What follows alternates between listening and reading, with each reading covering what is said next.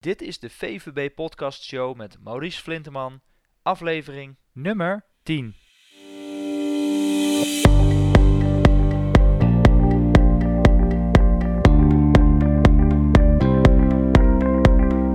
Welkom bij de VVB Podcast Show, waarin je luistert naar experts die je voorzien van de beste informatie, tips en tricks om het rendement op je vermogen te optimaliseren.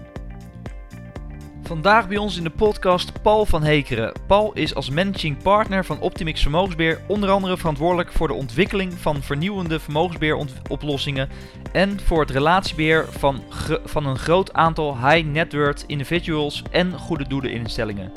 Naast zijn werk bij Optimix is Paul betrokken bij Stichting Vermeer 14, Stichting Emma at Work en het Utrechts Landschap. Goedemorgen Paul. Ja, Maurice, goedemorgen. Uh, ja, leuk uh, dat je meedoet met onze podcast. Vandaag gaan we het uh, natuurlijk hebben over uh, pensioen in eigen beheer. in 2017 ja, wordt dat afgeschaft. Er gaat in ieder geval een hoop veranderen.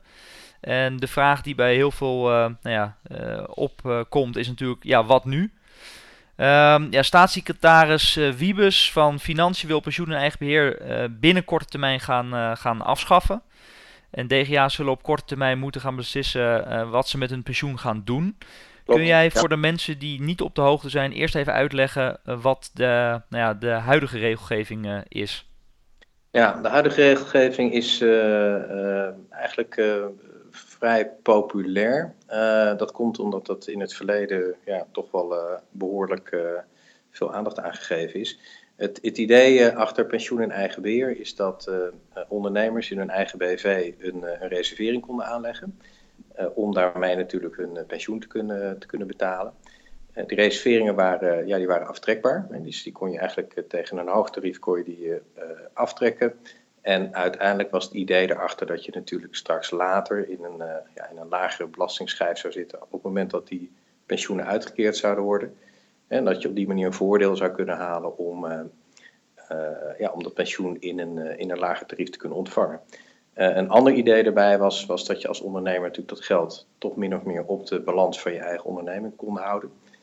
en je daar natuurlijk flexibel mee kon zijn. Hè? Je kon je eigen beleggingskeuzes maken. En ja, dat gaf, dat gaf de ondernemer toch wat ruimte in zijn, in zijn financiën. Um, wat, ehm, ja, wat er in de afgelopen jaren gebeurd is, is natuurlijk dat de rente is hard naar beneden gekomen. In de tijd dat dit heel populair was, praat je over rentetarieven van 4 à 3 procent.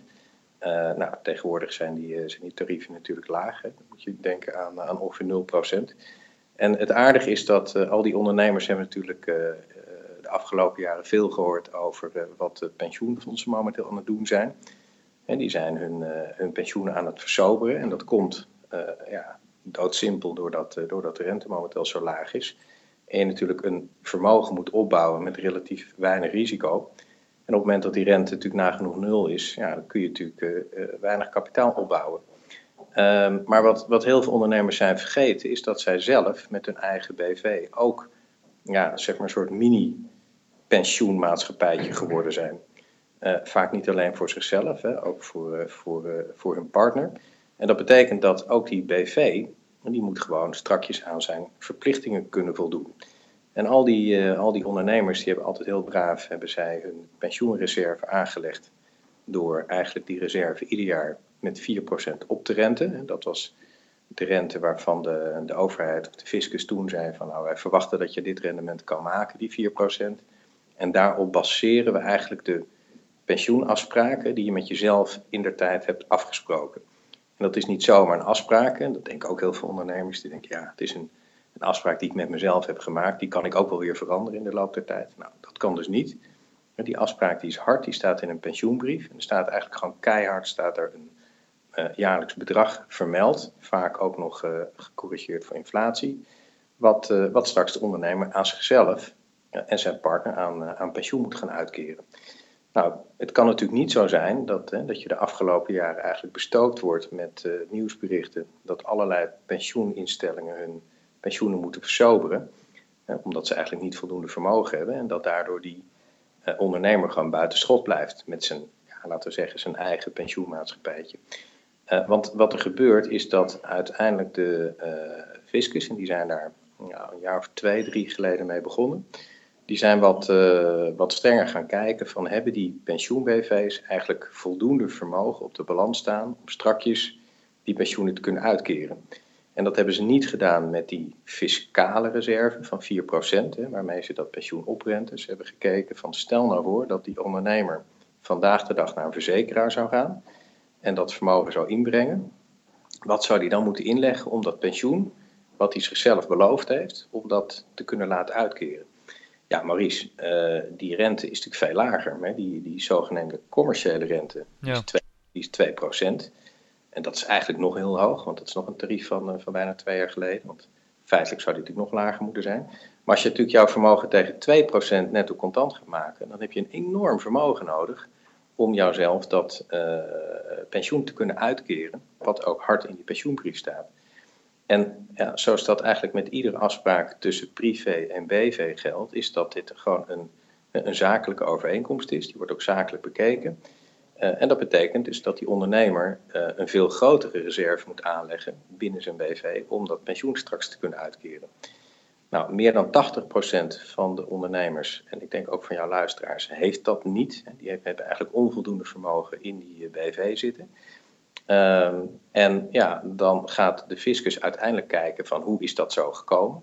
Nou, dat kan natuurlijk zijn doordat er bijvoorbeeld uh, dividenden uit de BV gehaald zijn in het verleden. dus de meeste ondernemers kennen dat wel. die, die, lenen als het ware geld van hun BV en die corrigeren dat een aantal jaren later door een dividend uit te keren vanuit de BV naar privé. Nou, en eigenlijk wat je dan aan het doen bent, is dat je als bestuurder van jouw privé pensioenvennootschap een dividend staat uit te keren, terwijl de onderneming te weinig dekking heeft om straks die pensioenen aan de, uh, in dit geval, jezelf en waarschijnlijk je partner te kunnen uitkeren. Nou, um, het probleem daarvan is, is dat natuurlijk daar is eerder is daar een aftrek opgegeven. En uh, als er nu een tekort zou ontstaan, dan zou de fiscus zou eigenlijk achter het net vissen. Hè, want die pensioen-BV zou dan heel snel failliet gaan. Betekent dat het pensioen ook niet meer langs het, het loonbelastingpoortje komt.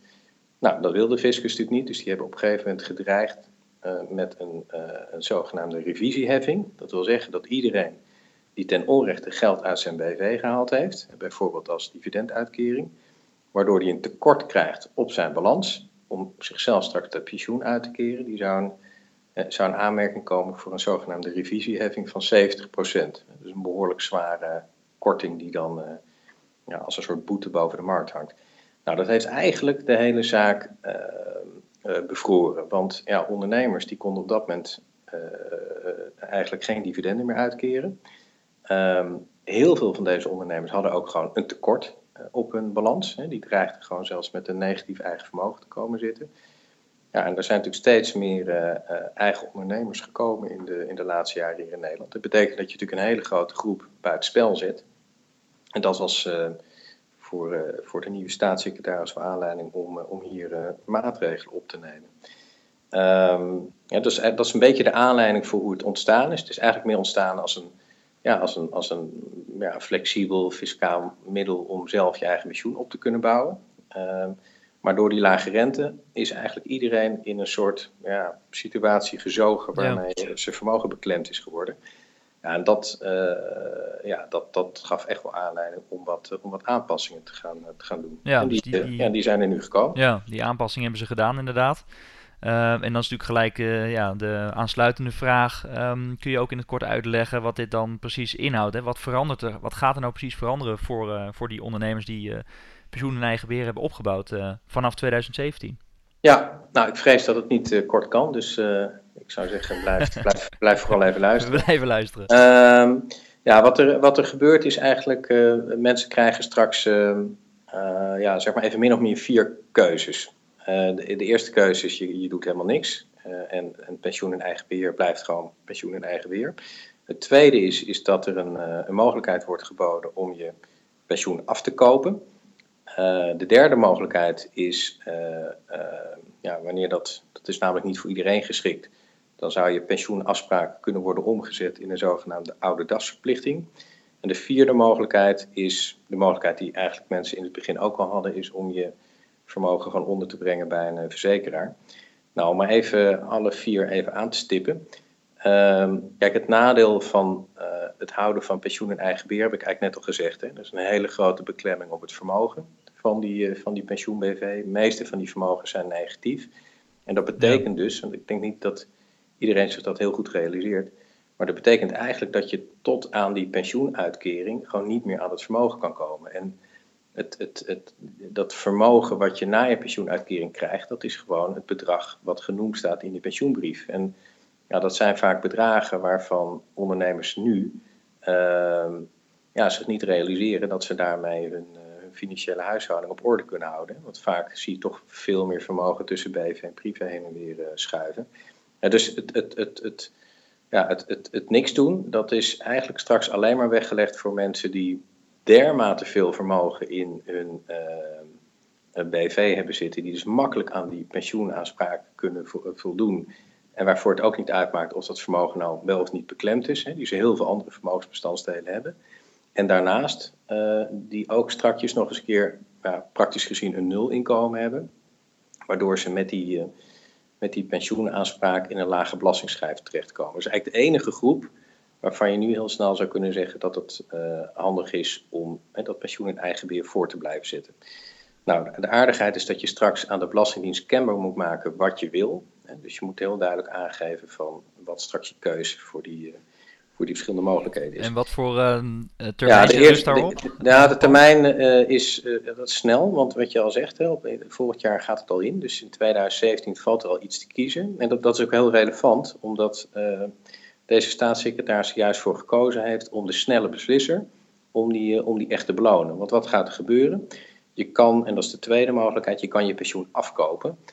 Uh, en afkopen, dat betekent echt dat alle verplichtingen verdwijnen. Je kan in die zin dan ook wel zeggen van, nou ja, je, je pensioenbrief met de harde data en de harde getallen die daar genoemd worden, die gaat van tafel af. Nou, hoe werkt dat?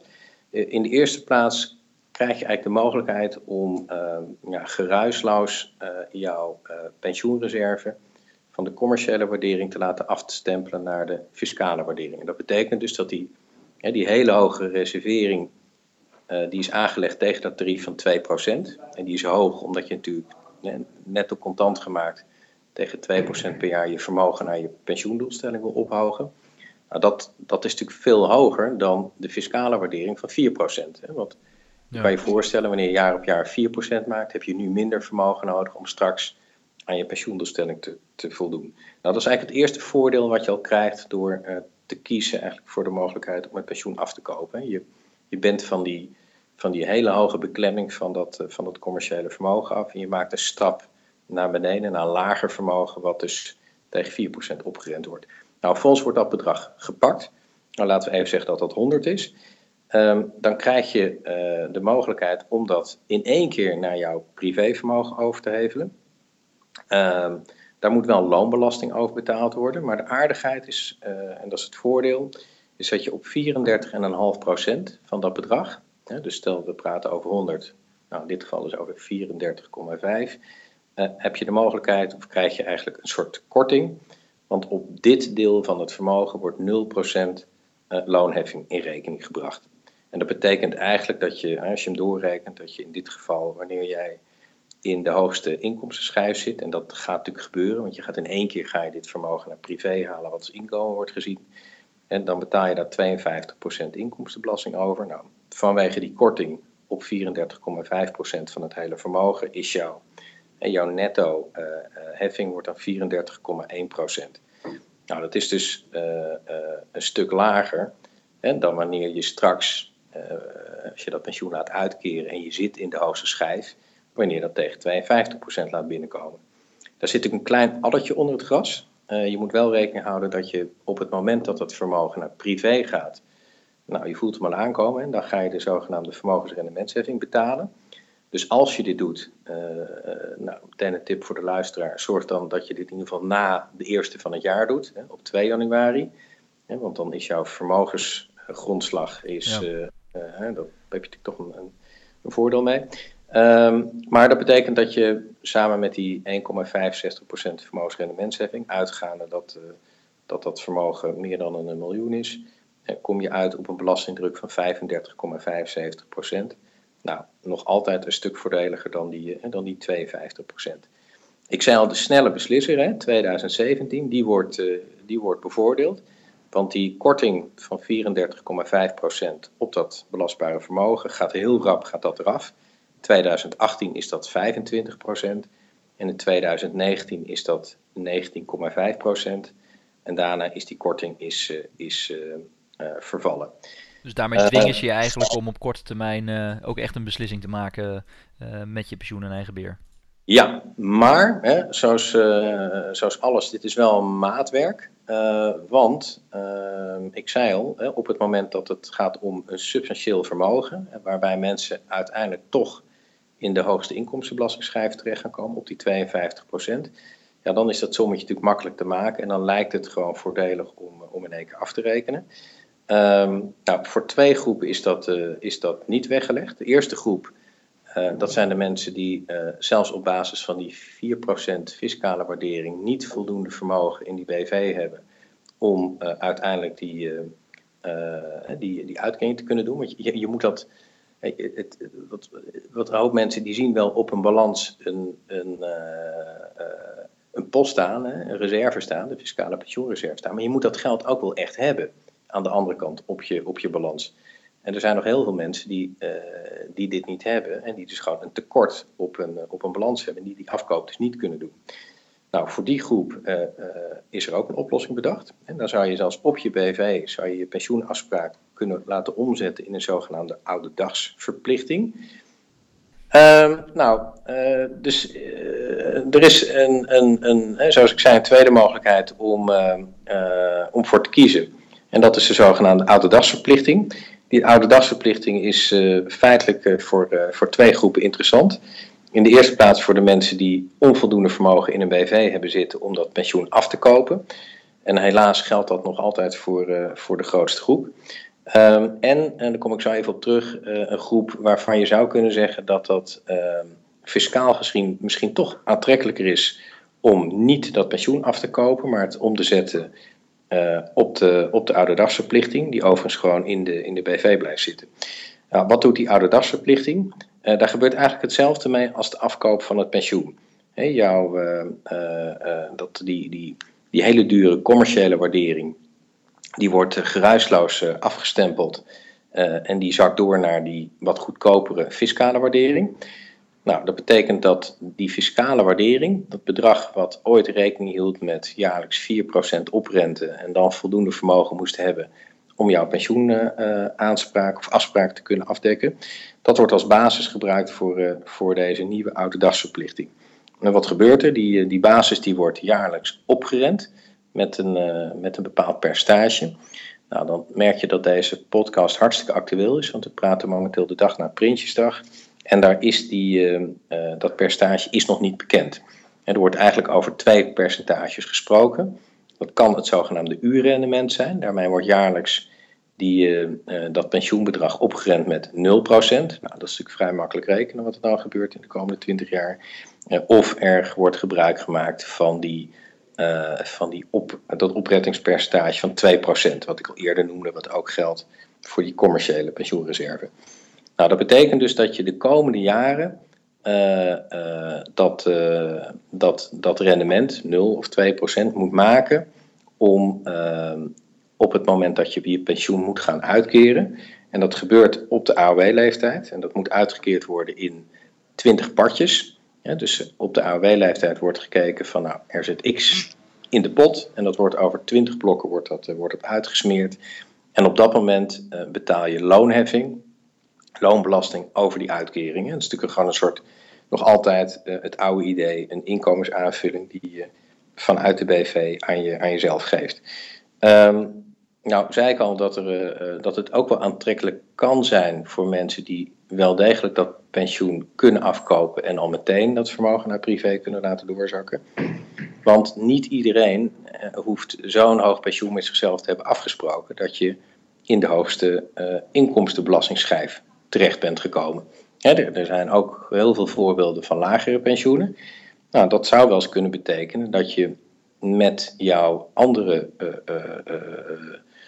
inkomsten, zoals bijvoorbeeld AOW, op een loonheffingstarief zit wat onder die 35,75% zit, die ik eerder als voorbeeld gaf. wanneer iemand de vergelijking moet maken met 52% inkomstenbelasting. En op het moment dat je natuurlijk met een, met een lagere loonbelasting te maken krijgt, uh, ja, dan kan het best aantrekkelijk zijn om dat vermogen wel degelijk in de BV te houden. Als, een, als een zogenaamde ouderdagsverplichting. Omdat je wanneer je het afkoopt, je natuurlijk in één keer hè, dat hele bedrag naar privé haalt. En daarmee kom je natuurlijk ook in één keer in een hele hoge inkomstenbelastingsschaal terecht. Terwijl als je het geleidelijk over die 20 jaar laat lopen, uh, het best zou kunnen zijn dat je in, uh, in, een, uh, ja, in een lager tarief komt. En dan is het wel het voordeel om het, om het erin te houden. Nou, en dan blijft natuurlijk eigenlijk de vierde variant over, maar die, ja, die heeft eigenlijk meer te maken met hoe ga je, hoe, ja, hoe ga je nou eigenlijk voor jezelf organiseren dat die, dat die reserve voor jou een, een inkomensaanvulling gaat geven op, ja, op de oude dag. Hè? Want ja, de meeste ondernemers hebben natuurlijk niet voor niks dat pensioen in eigen beheer in de tijd opgestart. Hè. Ze hebben wel degelijk een inkomensaanvulling nodig op het moment dat ze, dat ze stoppen met werken. En uh, er wordt nu natuurlijk wel een hele leuke uitweg gecreëerd voor, voor een aantal uh, gevallen hè, die, die eigenlijk onder de oude situatie klimmen kwamen te zitten. Maar het betekent niet dat de rente die ineens uh, zou kunnen maken op risicoloze beleggingen weer van 0 naar 4% gestegen is. Hè. Mensen blijven natuurlijk het probleem houden dat ze, die, uh, ja, dat, ze die, die, dat vermogen moeten ze wel opbouwen om straks natuurlijk een, een, een goede aanvulling op het inkomen te kunnen geven. Nou, je kan er natuurlijk voor kiezen om dat bij een verzekeraar onder te brengen. Uh, nou, dat is in het geval van uh, wanneer je natuurlijk het pensioen afkoopt, is dat natuurlijk niet zo heel handig, omdat ja, je dan natuurlijk weer dat vermogen als het ware richting een soort loonbelastingssfeer gaat, brengen. Uh, maar het zou nog wel voor die zogenaamde ouderdagsverplichting op de BV zou het een, een uitkomst kunnen zijn. Nou, die, die, uh, die mogelijkheid om dat eh, vermogen in een verzekeringsconstructie onder te brengen, ja, die is in de tijd ook al niet voor die ondernemer, uh, of door die ondernemer gekozen. En dat is waarschijnlijk omdat hij die tijd wil houden. Het voordeel is, wanneer je in die oude dagsverplichting blijft zitten, kun je zelf de flexie bepalen op welke manier je dat vermogen wil gaan beleggen, wil gaan inzetten. het tweede is ook niet heel onbelangrijk, dat is ja, die uh, verzekering die, uh, heeft natuurlijk een probleem dat op het moment dat je voor jouw pensioendatum overlijdt, is dat vermogen is gewoon in een, in een aantal gevallen is gewoon weg. Terwijl natuurlijk als dat zou gebeuren terwijl er sprake is van een, een, een, een financiële ouderdagsverplichting in die BV, ja, die gaat gewoon naar de erfgenamen over. En die houden dan, op dat moment houden ze nog een stuk van dat, van dat vermogen, houden ze natuurlijk gewoon houden ze aan boord dus er, er, zijn ook wel goede uh, uh, argumenten te bedenken waarom in der tijd deze ondernemer niet had gekozen voor een verzekeringsconstructie, waarom die dat nu ook niet zou doen. Want eigenlijk staan die, uh, ja, die argumenten staan nog steeds onveranderd. zijn die, zijn die, gelden die nog steeds voor, voor deze beslissing. Ja, en Paul, als ik jou zo beluister, um, gaat deze regeling dus met name of de ondernemer voldoende uh, liquiditeit eigenlijk heeft hè, in, zijn, uh, in zijn bedrijf om het überhaupt af te kunnen kopen. En ja, nou, daarbij is natuurlijk ook dat je flexibel blijft, is ook een hele belangrijke. Het is natuurlijk per individu anders, maar welke situatie zou jouw voorkeur hebben? nou, ik, ik, ik, ik, denk wanneer je, wanneer je uitgaat van een van een, van een echt een hoog pensioen. Hè, en, je, en je meteen al in de, hè, moet rekenen met, je, hè, met het toptarief van loonbelasting. Uh, dan lijkt op dit moment die afkoopregeling lijkt, uh, voor die groep lijkt, lijkt absoluut wel aantrekkelijker. Want dat is, ja, is toch wel een, een, een, flink fiscaal voordeel wat je kan halen. En uh, aan de andere kant, je bent ook, weet je, je bent ook meteen weet je, je bent vrij, om het zo maar te zeggen. Dat vermogen haal je uit de beklemming, dat haal je naar privé toe. Um, ja, en op dat moment kun je eigenlijk op, op, op een normale manier uh, over dat vermogen beschikken. Um, dat, dat ik, als het gaat om wat, eh, wat, wat kleinere pensioenen, dan moet je even goed gaan rekenen. En, en daar zou ik ook iedereen uh, bij adviseren om daar een, een belasting- of pensioenadviseur bij te halen, want dat, dat wordt echt maatwerk. En je zegt ehm, kleine bedragen. Ehm, nou ja, kijk, je, je moet denken aan, aan eh, bedragen die er in ieder geval voor zorgen dat jij uh, in, een, in een lagere inkomstenbelastingsschaal terechtkomt. En kijk, de, de meeste mensen hebben 65, 70, 75, 80.000 euro pensioen wat ze aan zichzelf moeten uitkeren. Ja, samen met je AOW zit je dan heel snel op die, op die 52 procent. Maar als het gaat om wat oudere pensioen-BV's, die misschien nog in de guldenstijd uh, gestart zijn, waar dingen doorgerekend zijn. En je praat over 20, 25.000 euro aan uh, pensioen. Ja, dan kom je echt niet aan die, uh, aan die 52% schaal. En dan kan het wel aantrekkelijk zijn om niet dat pensioen in één keer te laten uitkeren. Weet je, daar zit een beetje de crux in, Maurice. Als je natuurlijk, als je natuurlijk in één keer dat pensioen laat uitkeren, hè, dan, dan ben je waarschijnlijk, zit je al meteen in de hoogste inkomstenbelastingsschaal. En het maakt voor iemand die toch al een strakjes een hoog pensioen heeft niet zo heel veel uit of je nu in één keer alles tegen 52% moet afrekenen of strakjes ja, zijn, zijn, zijn pensioenuitkeringen ook tegen 52 binnenkrijgt. Iemand die, uh, uh, die, die een lager pensioen heeft, ja, die, zou, die zou dan nu benadeeld worden. Hè? Want er worden al die lage pensioenen als het ware bij elkaar opgeteld. En die krijgt hij in één keer binnen in één jaar. Ja, dus komt hij in het hoge tarief terecht. Terwijl die anders, als hij het in 20 blokjes had laten uitkeren, waarschijnlijk in een lagere schaal terechtgekomen was. En dan, dan heb je wel een voordeel om dat in die, uh, in die BV te houden. Uh, en er zijn misschien mensen die het ook wel prettig vinden, gewoon vanuit de discipline. Want die BV, die oude dagsverplichting, die gaat jou straks echt uh, voorrekenen wat jij per jaar gewoon klaar moet zetten om in die 20 jaar na je AOW-leeftijd uit te kunnen keren. Hè, dat geeft ook misschien een stukje rust, geeft dat erbij. Ja, en, en, en, en, wat ik zei, een stukje discipline. Um, nou, dat, het, ik kan me voorstellen dat het voor een bepaalde groep mensen aantrekkelijker is om dat in die, in die oude dagsverplichting te houden. Maar, maar even, de, de, de, als, je, als je er heel snel doorheen loopt, dan zou je zeggen, alle, uh, alle wat grotere pensioenen, uh, ja, dan moet je echt denken aan 65, 70.000 euro plus pensioenen. Uh, daar lijkt het gewoon aantrekkelijk voor om dat gewoon meteen af te kopen. Ehm, de, uh, ja, de, wat, de wat kleinere pensioenbedragen, die, uh, ja, die zouden wat dat betreft gewoon beter in die oude dagsverplichting kunnen blijven. Dus daarvan zou je kunnen zeggen, laat dat dan in die BV zitten.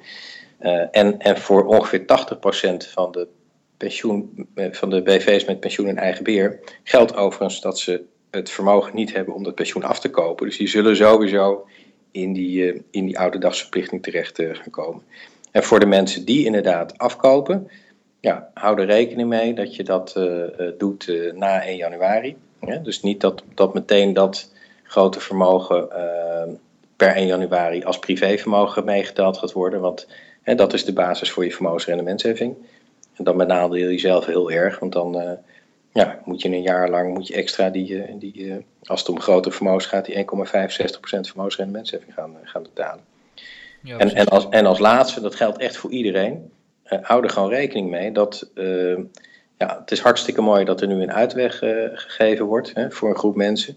Maar het feit blijft dat we te maken hebben met lage rente en dat iedereen die dus een reserve voor de toekomst wil aanleggen voor iets, ja, die zal heel goed moeten nadenken over hoe die die reserve vorm wil gaan geven. Want ja, de kapitaalmarktrente, zoals gezegd, is natuurlijk een beetje de oorzaak van het hele, hele verhaal. Die is nagenoeg nul nu.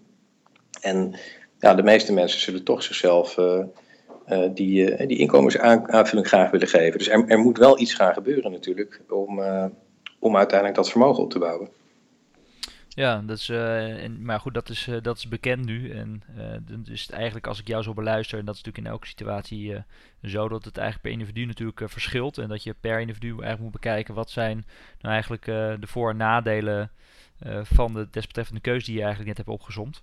Ja, ja, ja dat, het, blijft, uh, het blijft maatwerk. Zeker. Ja, precies. En als je dan naar de praktijk kijkt, um, als je uh, in het hoofd van de vermogende particulier gaat zitten, waar zouden ze nog meer waakzaam voor moeten zijn of, of mogelijke valkuilen waar ze tegenaan kunnen lopen, uh, waar jij ze nu nog eventueel voor zou kunnen behoeden?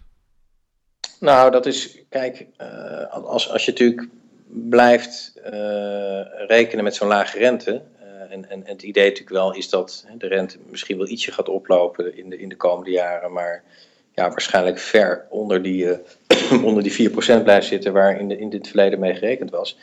ja, hoe eerder je natuurlijk nu voor jezelf een, een onderscheid kan maken in de dingen die je in de toekomst echt nodig hebt, die voor jou echt belangrijk zijn.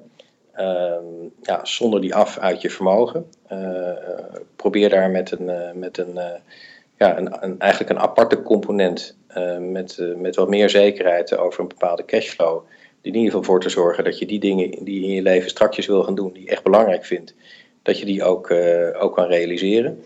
En dat, wat je daarmee mee doet, is dat je je vermogen uiteindelijk splitst in een, in een onderdeel, hè, wat ervoor gaat zorgen dat je je leefstijl overeind kan houden. En het deel wat overblijft, ja, dat, dat, dat wordt als het ware je risicobudget. En daar, daar kan je de risico's mee nemen. Uh, en ik denk als je, als je, ja, als je op, als je op zo'n manier eigenlijk naar jouw vermogen gaat kijken. Ik zeg altijd zelf, ik zie het een beetje als bevroren energie. Het is, ja, het is iets waar in het verleden mensen voor gewerkt hebben. Uh, en waar, uh, waar tijdelijk geen, ja, eigenlijk geen beroep op hoeft gedaan te worden. Dat, die energie moet, moet er uiteindelijk wel weer uitkomen. En ehm, het is zonde om, om, om die tijd te laten verstrijken.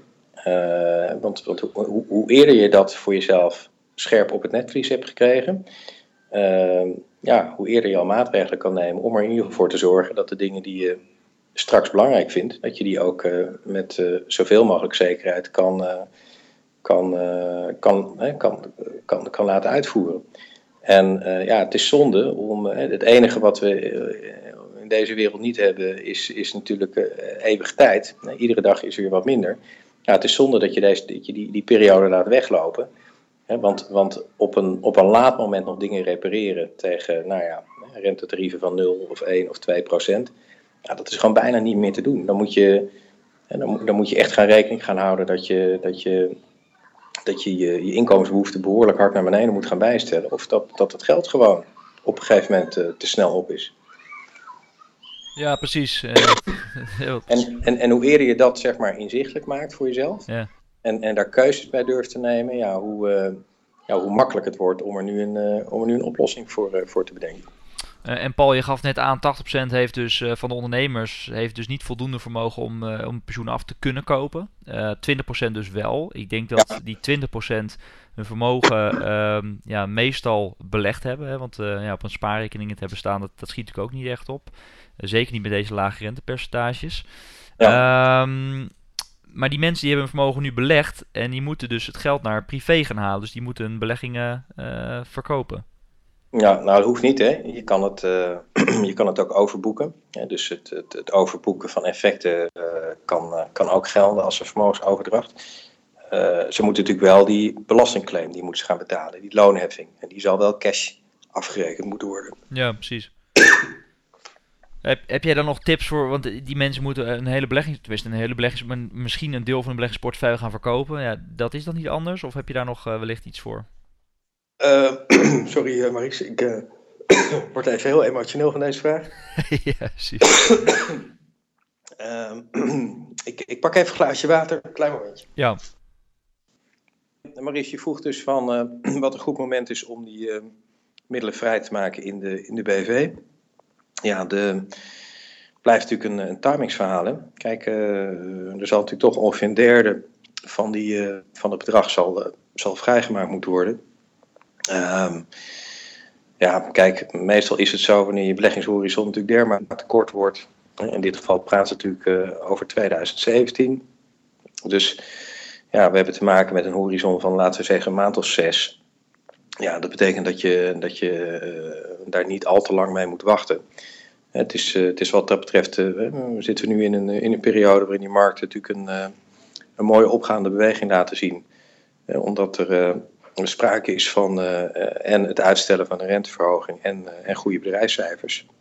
Ja, dat, ik denk dat dit, dat dit een, een uitstekende gelegenheid is om te beginnen met een stukje liquiditeit in die, in die portefeuille te maken. Overigens, die heffing die moet je privé gaan betalen. Het, wordt een, het wordt een loonheffing.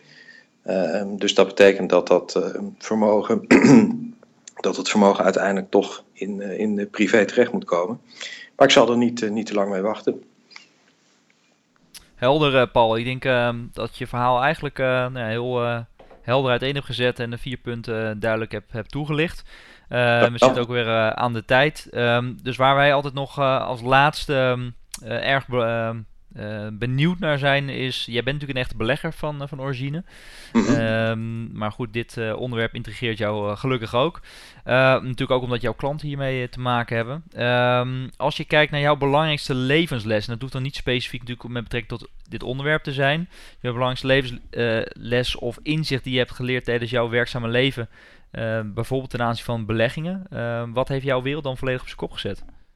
Maar daar heb ik een tijdje over nagedacht. Maar het wordt heel simpel.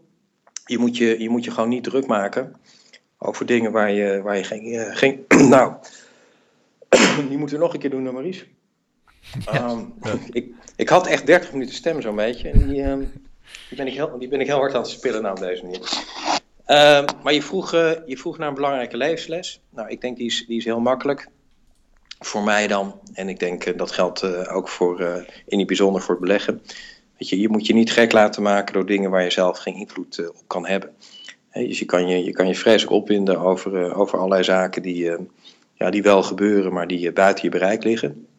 Nou, op het moment dat je, dat je accepteert dat je die toch niet kan beïnvloeden, ehm, dan, ja, dan kun je vaak rustiger en beter en afgewogen beslissingen nemen over de dingen waar je wel invloed op kan hebben.